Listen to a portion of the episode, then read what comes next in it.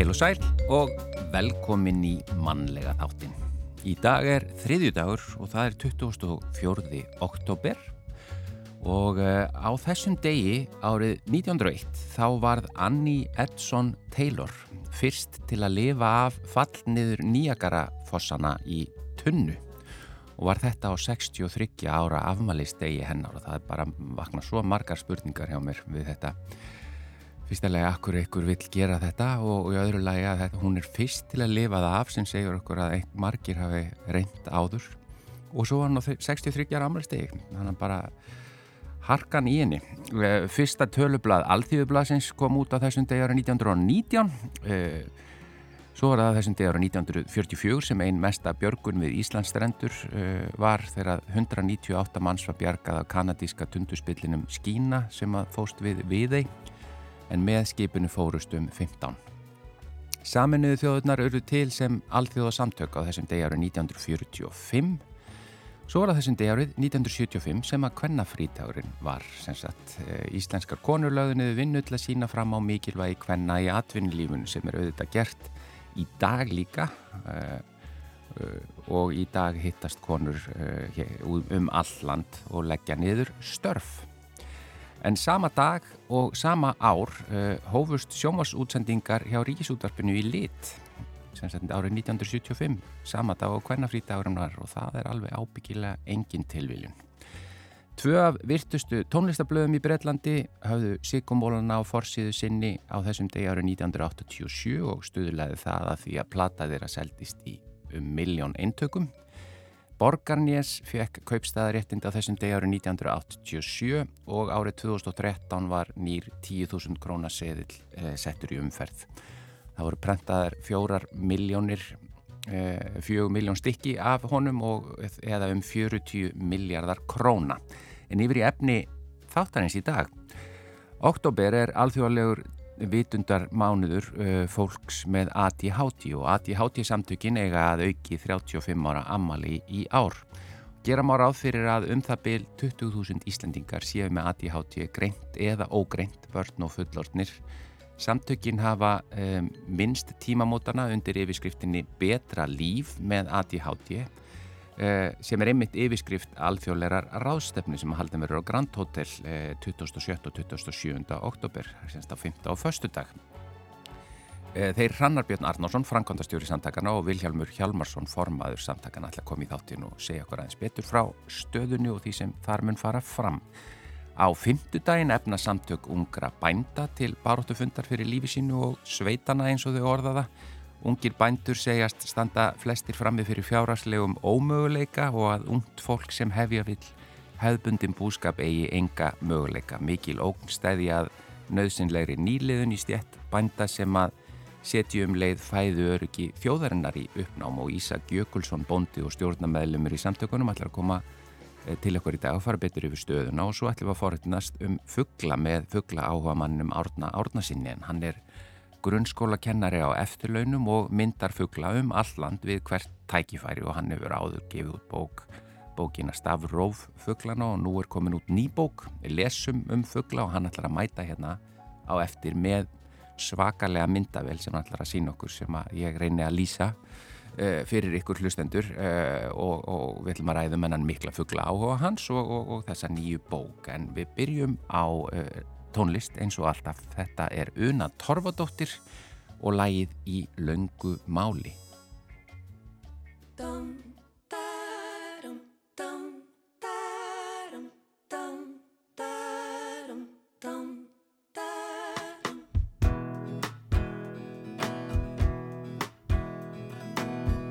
Hvenær fórstu síðast í hláturskast?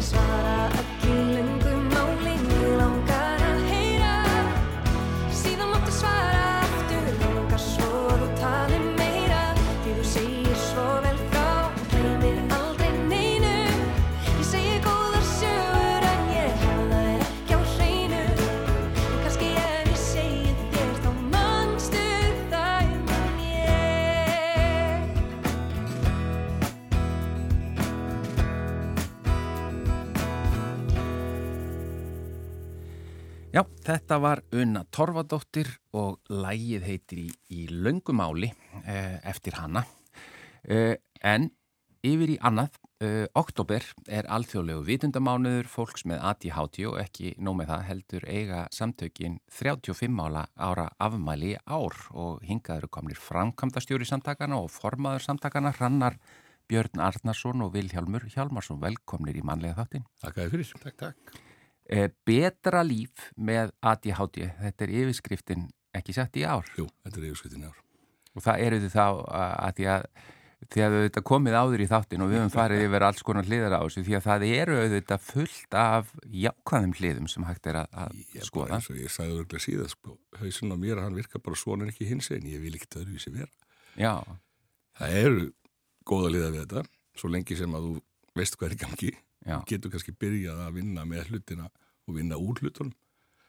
Og er þetta ekki alls slæmt. Við erum búin að vera að sko, markvist að, tala um þetta á svona jákvæðri nótum síðan 2010, ára en ég kom í stjórnuna og bara þetta er einn liður á því, 35 ára ammali, betra líf með aðtíð hátti og risar ástemni lóku vikunar. já og það er auðvitað e, þetta er svo gríðarlega stór hópur greindur eða ógreindur. E, þessi 20.000 e, manns, ég meina hva, hvaðan hafið þið þá tölu? Er það út frá bara tölulegum upplýsingum frá öðrum löndum? Mm, gamlar tölur sem, sem við notaðum þá uh, talaðum sko 5% kannski aðeins meira hjá börnum og þá 22,5% í fullornum.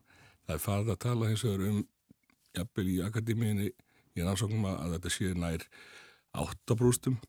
Ég held að þetta sé jafnvel nær 10% allavega hér á landi hjá börnum og þá er helmingurinn fullornir. Vegna þess að eh, hjá sömum þá, þá minkar þetta hverfur uh, svona, þegar heilin hættir mikið að þoskast 25 ára aldurinn. Er það þannig, já? Já, þetta, þetta er tauga þroska og röskun, þetta er röskun og þroska í heilastöðum og það, þær geta verið að þroskast uh, fram, fram undir þennan tíma já, þannig að þetta getur á veljum ástæðum horfið en allavega helmingurinn finnur eitthvað fyrir þessu á lífsleginni og ef þú reiknar þetta bara upp þá er þetta runglega 20.000 manns Og í rauninni held ég að það sé læri mörg frekar en hitt sko og að mörgu leiti það sem er að gerast á Íslandi Mm. e, mikið um það rætt að hér séu allt og margir á livjum og allt og margir að fá aðið hátigreiningar. Ég held í rauninni að við séum bara komin í fórustu í heiminum hvað það varðar að, að fólk er ennþá að læra um e, ADHD, hvað það er og hvernig það virkar og við erum eiginlega bara komið lengst held ég í heiminum í að e, aflétta e, þögguninni og fleiri og fleiri ekkert neginn að átta sig á að þetta gæti verið rótin af því sem að hefur verið að hrjáða í, í lífinu. Og greint að til hátíða er rauninni skelvileg leið til þess að fara í gegnum lífið að það getur leitt mann á svo ranga brautir.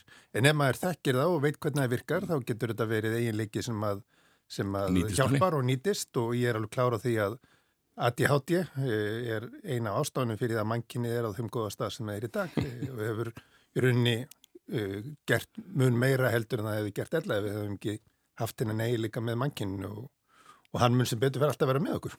Þann aðtapna kraft sem maður getur fyllt. Já, aðtapna kraft og, og í rauninni kvatvísinn og, og í rauninni þegar, aðri, þegar fólk með ADHD þóri en aðri þeia, Já, það er bara það sem er hreyfið að bli heiminum og, og, mun áfram verið það. Þetta er líka bara hluti af mannflórunni. Hvort, sem þessi hópur eins og okkar sem er þetta stóri eða einhverjar sem aðeins minni eða eitthvað annað. Við viljum hafa fjölbreytt samfélagi, við viljum byggja fjölbreyttu samfélagi. Mhm. Ég nenni ekki að hafa allir eins og mig. Það er þreytandi En þetta er uh, sko taland um greint og eh, ógreint eða að sé, að sé mikið af fólki út í samfélagin sem sé ógreint en það er líka alveg gríðarlega löng byð eftir greiningu. Greint eða, eða van með þendla Já, Það eru svakalegi bílistu, við komnir í hjá ATHT HH í hvað, 2400 manns og heldur bara áfram að vaksa og er einhver munur þar á, á, byðlistum fyrir börn eða fullorna?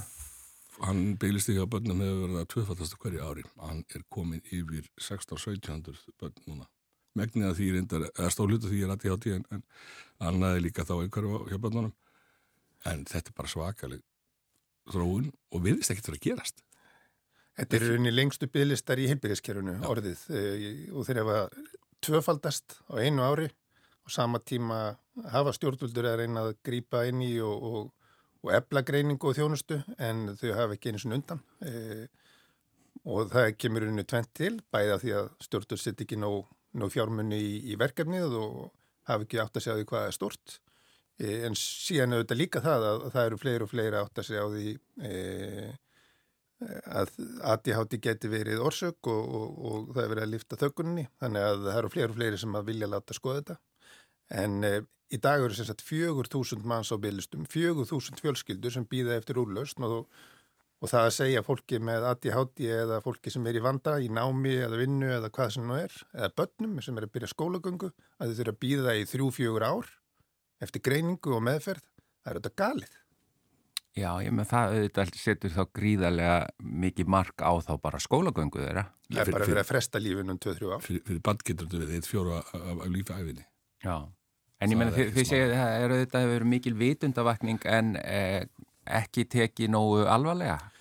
Já, í rauninni held ég það. Við höfum verið að vara við þessu núna í, í, í mörg, mörg ár og sannarlega gefst ímsi góði hlutir. E, það hefur verið sett þetta að ég hátti teimi fullortna og það hefur verið svona breytingar á geðelsumistu barna hugsaðar til þess að ebla þjónustuna en það hafi ekki fjármunir fyllt til þess að, að gera þetta með þeim krafti sem að þyrti og einu viðbröðu núna er ekki ekki fjármagn heldur bara takmarka aðgengi þannig að menn er að glíma við bygglistana með því að reyna að takmarka að fólk komist á þá. Og En- það er auðvitað ekki leiðin. En þessa ratti með sko að það sé verið að greina á um marga og, og svo þessi umræði sem að koma upp með að með lifin, ADHD lifin og, og að að við séum mögulega að nota of mikið en hva, hvað segir þið með ef að þetta er ekki gert? Það er að segja hver eru hættunar ef að bara fólk fær ekki greiningu eða ef að fólk sem þarf á því að halda getur ekki nota það lifin? bara myndi vera mjög hár kostnaður hvort sem þú hugsaða sko fjárhagslega eða félagslega eða persónulega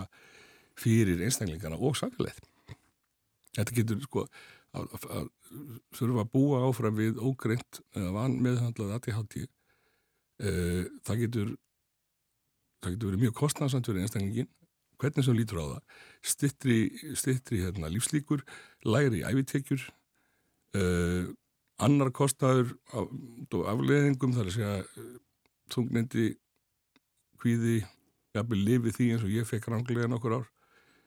Þetta er alls konar hlutur og þetta kostar bæði peninga og bara svona félagslega og, og persónulega og samfélagið í heilsinni Við höfum verið bara rannsóknir sem að sína fram á kosti greininga og livja. sína fram á uh, stórugna líkur á að fólk klári skólagöngu, stórugna líkur á aukinni skólagöngu, uh, minkandi slísahættu, minkandi uh, möguleikar á að fólk uh, betur í vinnu þú veist, þetta eru bara rannsóknir sem liggja fyrir um uh, kosti þess að greina og meðhöndla ADHD. Þannig að uh, kostnað, eða þú veist, uh, optionundar liggja fyrir hjá stjórnvöldum, annarkvort að halda áfram að dæla fjármunum og kostnaði í afleðingar ógreins og, og vanmeðhöndlans ADHD eða bæta greiningaferðlið og, og þjónustuna og, og stórbæta líf fólks og samfélagis þessi held. Það er þessi Ammalis rástefna, hún er á Grand Hotel núna á 50 dag og 1. dag, ekki satt? Jú. Og þar er bara þétt setinn dagskrá. dagskrá, Er þetta opið fyrir alla? Er, er þetta, er þetta fræðslu dagskrá eða hvað er þið í rauninni, uh, hvað mun hann helst koma fram? Þetta er náttúrulega fræðslega. Uh, Það, er, það kostar að fara, að fara á hann en það getur hver sem er skoði eftir aðgengi þannig, þannig séð. Þarna eru innlendur og erlendir fyrirlesarar. Það eru nokkra rannsóknir sem snúa að uh, bönnum og ADHD og einhverju og fleira. Íslenskar, það er uh, íslenskar rannsóknir sem tengist erðagreiningu.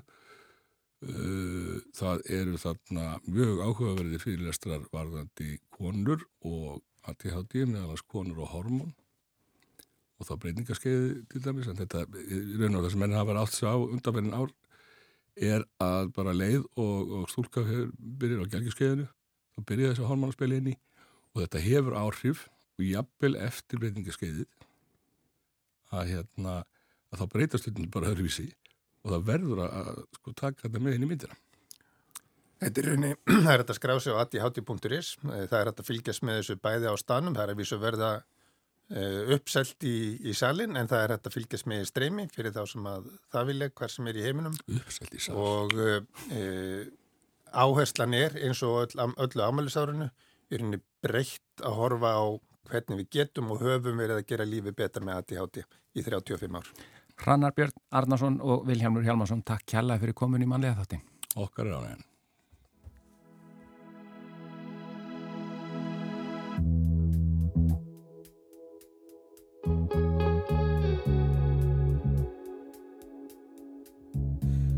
Svo sæt.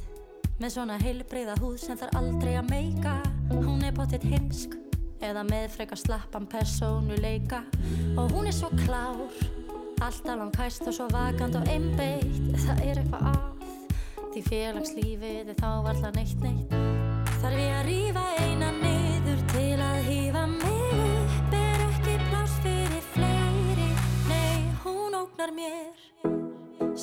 ógnar henni, sem ógnar henni, sem ógnar þér. Sem ógnar henni, sem ógnar henni, sem ógnar mér. Sem ógnar henni, sem ógnar henni, sem ógnar þér. Og þú ógnar mér og kannski ógna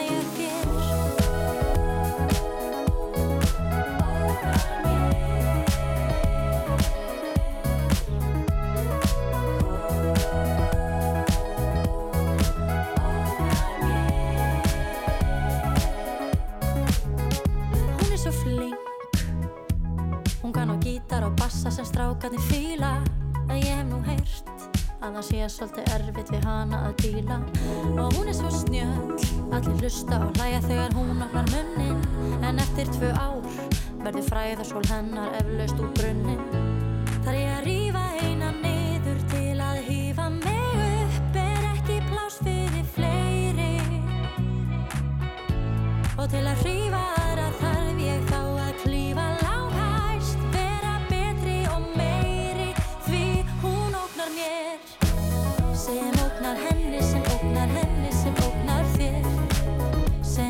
henni, sem ógnar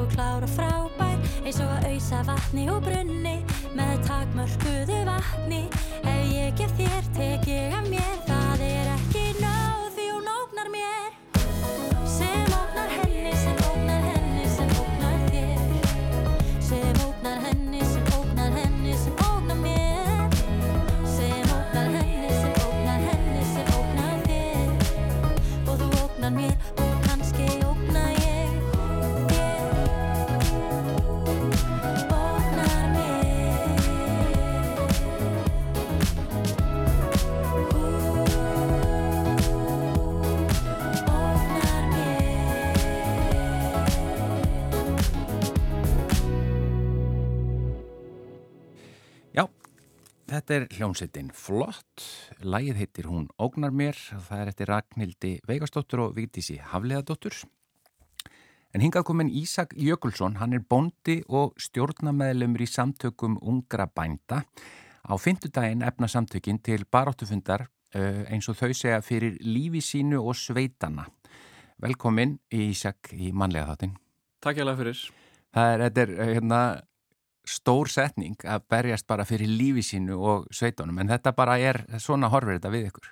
Já, það er bara, síðustu tvö ár hefur bara staðan snar vestnast, um, ekki bara í sveitumlandsins heldur bara í samfélaginu, auðvitað, það er náttúrulega margt sem spilar inn í, Já, en þetta vegur svo ofbáslega þungt á matvaraframneslu, bara allri, hvaða breytingar hafa verið á undanförnum- vakstar, hérna, hækkanir náttúrulega fyrst og fremst núna síðustu, já, síðasta árið eitthvað svo leiðis og náttúrulega aðfangahækkanir í kjölfar Ukrænustriðsins og kreppun, eh, hérna, COVID-flutningatröflana og eitthvað svo leiðis það byrjaði hérna fyrir tveim, tveim árum alveg sko, við talum 100% hækkun á ábyrði og 20% hækkanir á öllu öðru á einu bretti bara á hálfu ári eitthvað eh, þannig sko eða- og hérna og, og, og vextinu hækka svo bara í kjölfarið en hitt hefur ekkert lækkað heldur sko.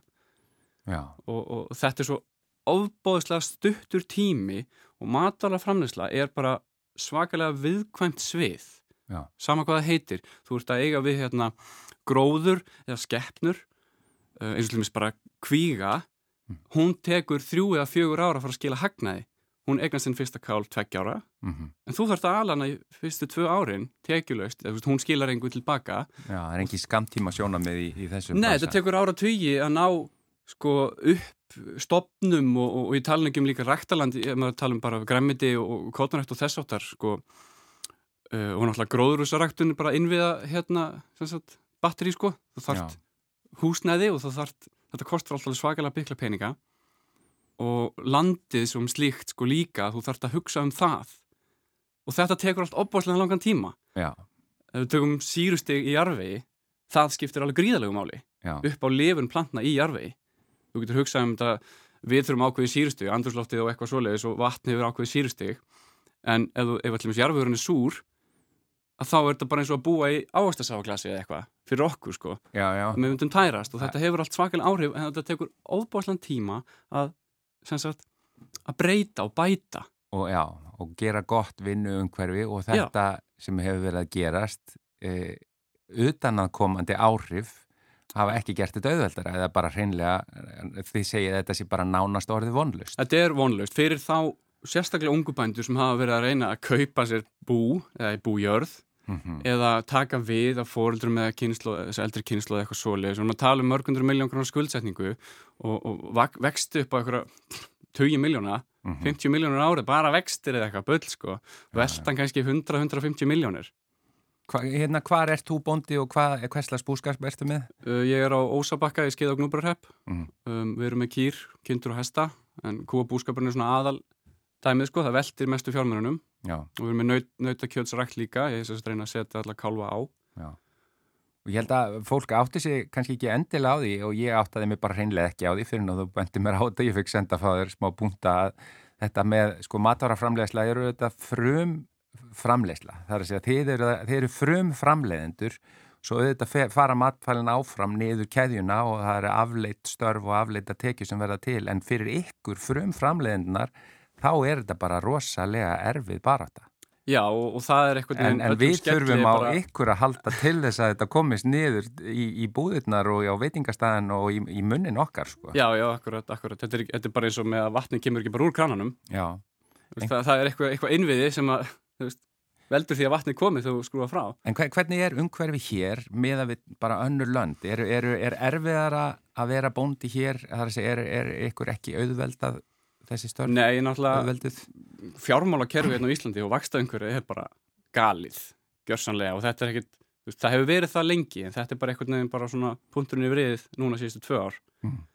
um, Náttúrulega veðfarslega e- e- hefur Ísland náttúrulega ekki kannski bestu stöðuna en við höfum margt annað, við höfum landnæði, við höfum hreint umhverfi, við nægt sagt, vatn til ræktunar, við þurfum lítið ef ekkert að vökva til dæmis. Uh, við höfum Hva, hvað meinar með því? Er það bara því að það er nægt er Það rignir nóg mikið bara já, já, í rauninni, auðvitað koma þurka sumur og svona og þá er gott að geta greipið til þess að vöku úr skurðum og ám. En við þurfum Já. ekki að vöku með grunnvatni.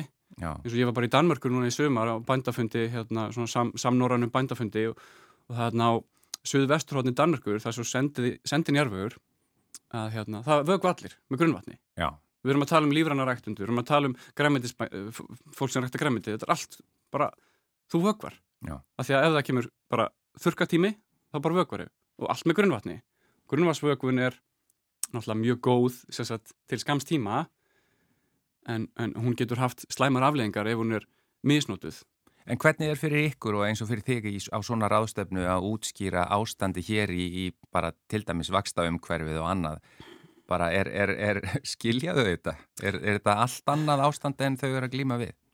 Er það tala um bændur erlendis? Já, já, já. já, þau fengu bara nett áfall sko þegar við sögðum vakstaprósentuna hérna sko Já, já, og, og fjármagn á Íslandi er svo óþólumótt að hálfa væri helmingur já, og þetta bara, það þýðir ekkert við erum að tala um kannski, segjum bara fjósbyggingu hún kostar, núna alltaf mér langar að fara að byggja fjós, ég get, það eru gammalt fjósi heima og mér langar að fá nýtt fjós á næstu tíu árum, það er 200-250 miljónir fyrir einn robot, 60-70 kýr eitthvað svo leiðis þetta fjós náttúrulega ætti að geta alveg ennst í 100 ár mhm, en það þarf að vera þólimaði fyrir því að þessi hægræðing geti skila tekjum til samfélagsins og náttúrulega aðbúnar dýra nummer 1, 2 og 3 aðbúnar dýra skila sér í betri afröðum já, og náttúrulega bara betri samvisku alls samfélagsins. Já, að sjálfsæða hlutur að við vel um skeppnunar og landið, en það kostar. það kostar. Já, erlendis, kröfur eru um að þetta verði gert en Já, það kostar. mörgum stöðum erlendis eru náttúrulega frábær já, náttúrulega flestir bændur út í heimi eru bara alveg góður á Íslandi. Mm. en það er oft það sem að kröfurnar eru ekki nærði jafn harðar þó að bændur kannski gangi lengra mörgum stöðum. Já, já, Ég hef komið inn í fullt af umhverfi erlendis þar sem að ég fæ bara fyrir hjarta sko. já, já, hver, hvernig aðstæðnar eru. Hvernig aðbúinur eru fyrir skepnur sko. Já, já. Það er ekki að nefna um dæmi en, en, En hva, hvað er hægt, að því að nú er þessi baráttufundur uh, á, hann er uh, á, á, á, á, hvað sagði ég, á fimmtudaginn uh, í salnum í Kópavogi, en hvað er hægt að gera? Hvað, er- hversi eru það að krefjast?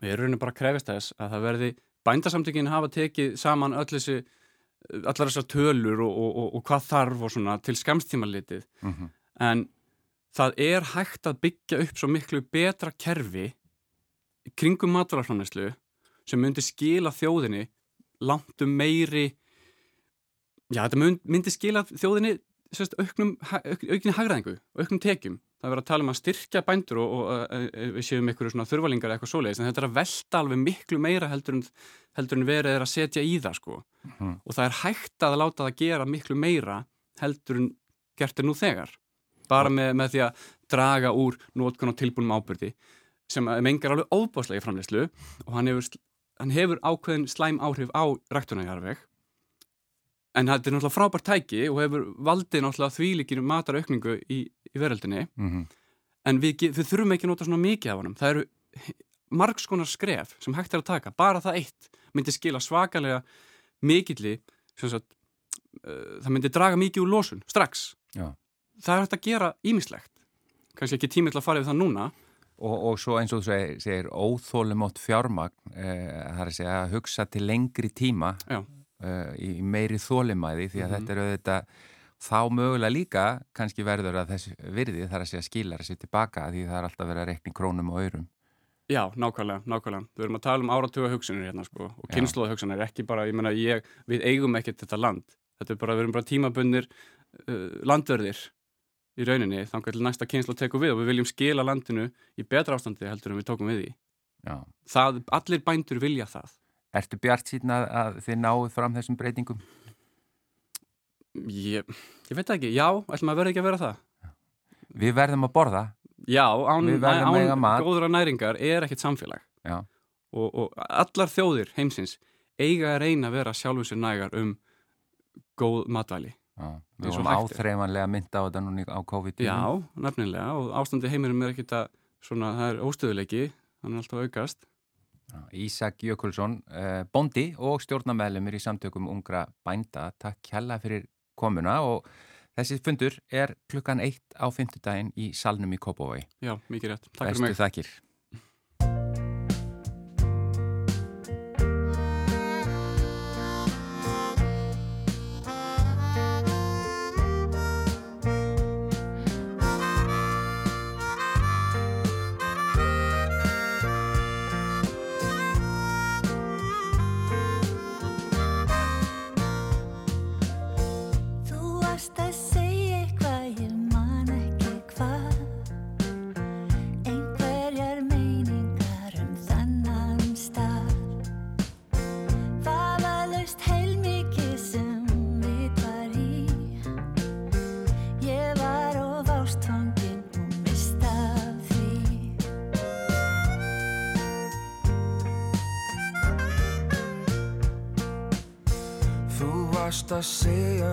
Frá sjálfri þér.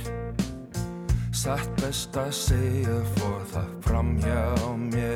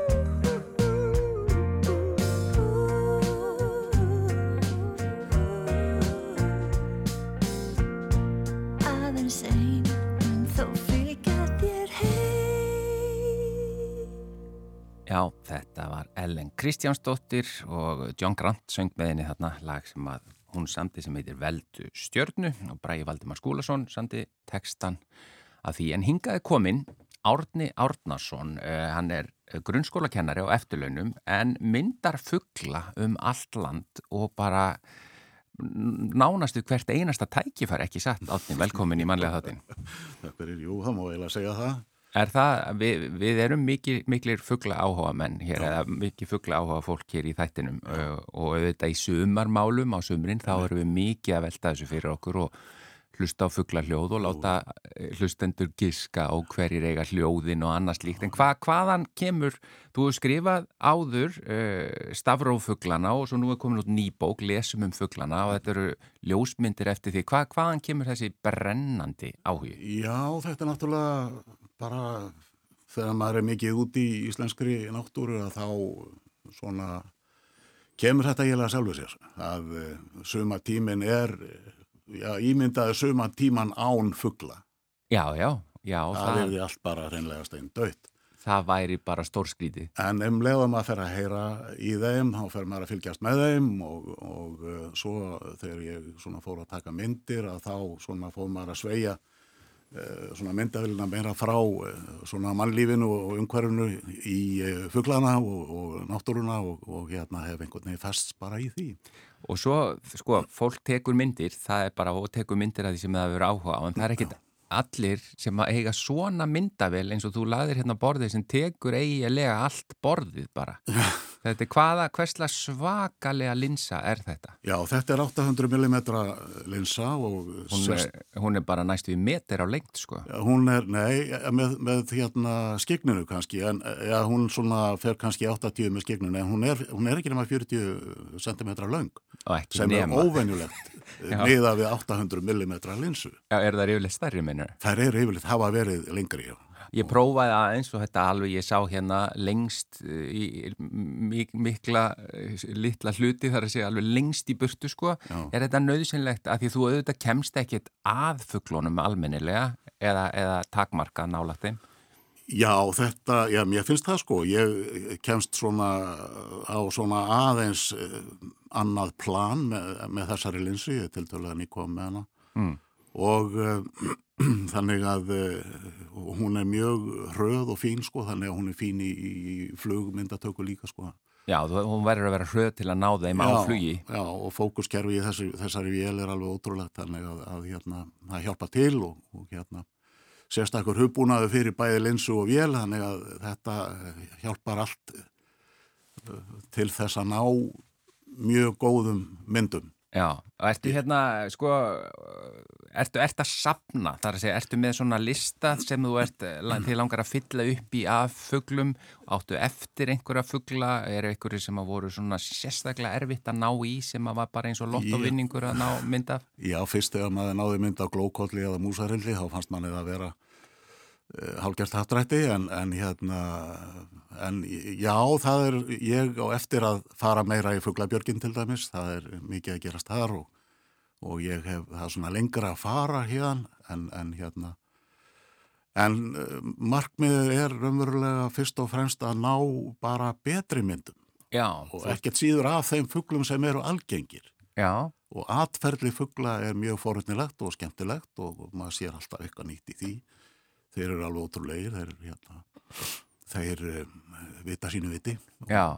Þannig að þú, þú ert ekki bara að, hérna, ná skotum að þeim, er að ná myndum, en þú ert að fylgjast líka með þeim, hvernig þeir eru í Já, ég, og, ég er ekki, ekki að uh, sko, ná mér í eins marga fugla og hægt er. Margir eru alltaf við flækinga til dæmis um all, all land. Já, þú far ekki símringingu og ríkur upp úr rúminu Nei, ég og, og það ekki, yfir, nei, all, yfir all landið og, Nei, nei, en ég mynda flækinga ef þeir eru hérna í bæjadinnar þeir koma stundum í Vasmýrina og Seltjarnanes við Bakkatjóð Já, ef þeir eru ekki of, of fjari Ef þeir eru ekki á, á langt Það í var nú bara frétt þarna, ég veit ekki, það er kannski 20-30 ár síðan þegar kom flamingofuglina Þú hefur ekki rókið til Nei, og það náð honum. Nei, nei. Nei En, það, hann gæti verið farin sko þegar maður er komin á staðin líka þannig að þetta er satt rætti þannig að en ferðu oft eins og með þessa stóru miklu mynda Þú ert væntanlega með þrýfót eða eitthvað slíkt Nei, ég nota ekki þrýfót við þessa vél. En hún er svo þung og stór. Þetta tæp fjögur kíló samanlagt myndavél og linsa og, og maður þarf bara að svona venja sig við að halda á henni rétt og, og geta hérna myndað hana eins og aðstæður krefjast Já, en þarstu stundum er ferði í aðstæði þar sem þú veist að þeir fugl og þarst að býða rosalega lengi eftir rétta skotinu? Uh, já, stundum sko, stundum sest maður bara niður og það sem maður veit að, fuglar eru mikið á ferðinni eða, eða setjast eða, eða fara um og, og þá sittum maður bara og, og hérna skiknist um en, en hérna stundum kalla maður líka á fuglana til þess að, að hérna Já heyrðu, þú ætlar að leifa okkur að heyra þú ert með hérna lítinn hátalara. Er það hann sem þú tekur með þér þá Já, þá tek ég það með mér, það er sérstaklega sko ef það er hérna svona skóaþykni sem maður er að, er að mynda í og þeir eru felugjarnir sumir sko eins og hérna glókollurinn eða, eða músarindillinn. Já, hvað myndur þú gera ef þú verður að eldast við glókóll? Ertu með hljóð sem að hann Já, já, við skulum bara segja músarindil, Já. ef ég er að hérna leita á honum þá kalla ég á hann og þá er ég með forrið í símanum mínum sem að ég, sem að ég sendi svo í hátalaran, eða hát hljóð. og þú þá bara með hátalaran hjá þér eða eitthvað Nei, ég nála setja hann upp í tré, einhver staðar það sem að falla umhverfið er. Setur ekki fjæðirir á hann og eitthvað svona Stundum hafa þeir bara sest á hátalaran. Já, eða Já, já, það er, þá bara eru þeir búin að eðilegja hérna myndina fyrir mér náttúrulega. En hvaðan fær þú hljóðin? Já, þetta er bara mynd, þetta er bara fuggla hljóða forrit sem að hliði niður á, á, á netinu og Já, já bara í uh, forrita á vettvangi einhverjum. Og þetta er eitthvað fuggla kall því að þeir, ef það virkar að þeir Já, komið þetta er ekki, þetta er nú kannski ekki fallegast að sko taka söngin frekar hérna. Já, Hitt var svona, svona viðvöruna hljóð. Og þetta, er, breytir þetta öllu fyrir því þar að sé að nærðu uh, yfirleitt að fá þá til að koma með Já, ég, það hefur breytt uh, miklu sko. Hmm. Já, já. Stundum hef ég verið svo heppinn bara að ganga fram á þessa minnstu eins og glókalla og, og hérna. Og, en Já, hann er fljótur að koma, maður kallar í hann. já. Er, er einhver fugg núna sem þú eitthvað svona sér framönda sem þú virkilega vilt, sem þú ótti eftir að, að ná? Já, hann kemur nú ekki alveg strax í hugan en mig langar til að ná betri myndum af músarindleirum til dæmis. En, en ég menna þetta er alltaf íslenski fugglar, þú verður ekki farið erlendis í... í... Ég hef reyndar sko, ég tók nú hérna myndaður með mér til spánar í uh, byrjun mæ og, og hérna til Grænlands í, í sumar Mm. og uh, jú, ég myndaði svolítið fuggla þá, það var ekki hægt annað. Og hva, hvaða fugglar voru spennandi þar sem þú Já, finnur það var ekki hér? náttúrulega kannski hérna til dæmis í Grænlandi þá er það þarna einhvers konar snjótillingsaðbreyði sem það var svolítið gaman að mynda Já, og, uh, og hérna, hérna, gló, uh, hérna rauðkollurinn, uh, sko, hvað kolluði hann? Það er hérna algengur fugl hér á landi. Já. Um, ég, þú kemur á tómum konur en það er allt í góðu. já, já, Sko aðeins bara í lokin, hérna þessi og bók. svo er það náttúrulega hérna rauð, uh, hérna brist, nei ekki hérna, hvað heitir hann, hérna þessi algengi fugl hérna, Ekki rauð bristingur? Nei. já rauðbristingurinn er náttúrulega hérna mikið í fjörum sko, en, Mm. en hérna, já, já, við skulum bara Já, vera, ekki vera að fara út í það núna. Nei, allt í góðu, en bókin, þú vilt, Já, það er að lesa um fugla og stafra á fuglana, þú, ert, þú vilt líka fræða uh, og þetta, þetta er runni fyrir börn. Þessi, Já, þetta má segja að sé í beinu framhaldi að minni kennslu. Ég var nú ofta að, að kokka upp svona náttúrufræðilegan fráleik fyrir, fyrir uh, börn að miðstíði að lesa. Já, og uh, þessar fínu stóru fuglabækur sem að komi hafa út hér á landi eru of stórar fyrir kennslustofuna mhm, og uh, óar, óaðgengilega fyrir hérna börn. Þannig að mig langaði alltaf í eitthvað sem ég gæti, bók sem ég gæti látið börnin hafa og, og hérna þau bjarga sér sjálf í lestri Já. með. Um, en, en hérna, og þetta Smekkfull- er svona viðleitni til þess, þetta eru stuttitekstar og uh, smekkfullara fa- fallegum ljósmyndun líka já, er- og, og það er allavega- lýsandi fyrir fugglin, hvert fuggl, það eru svona 70 tegundir fuggla sem að þarna koma við sögu sem að er nú kannski þeir flestir þeir fuggla sem verpa hér á landi. Átni Átnarsson, þakka þér innilega fyrir komin í mannlega þáttin og til að hafa mikið með þessa bók og, og þetta var áhugavert að sjá, ég þarf að skoða þessa myndavel aðeins betur, ég er svo þann græju fíkil, en takk innilega fyrir komuna. Takk fyrir mig.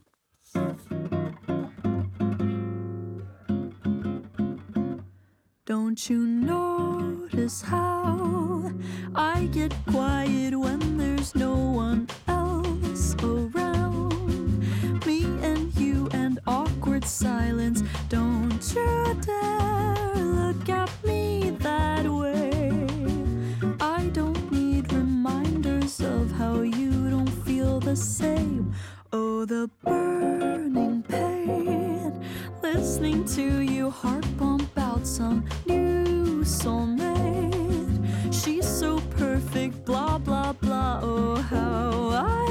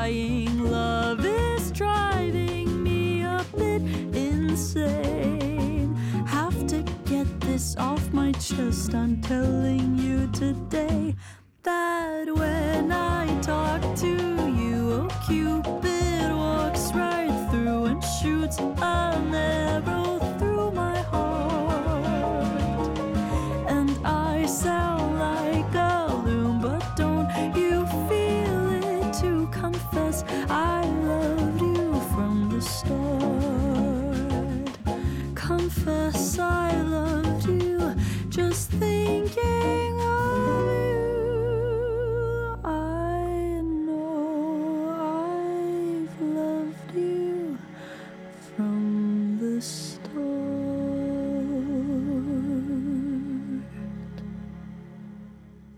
From the Start heitir þetta lag með Laufey, uh, hún samti lagið á samt Spencer Stewart en þetta var loka lagið í mannlega þettinum í dag. Við verðum hér auðvitað aftur á sama tíma á morgun. Þökkum innilega fyrir samfélgin í dag og verið sæl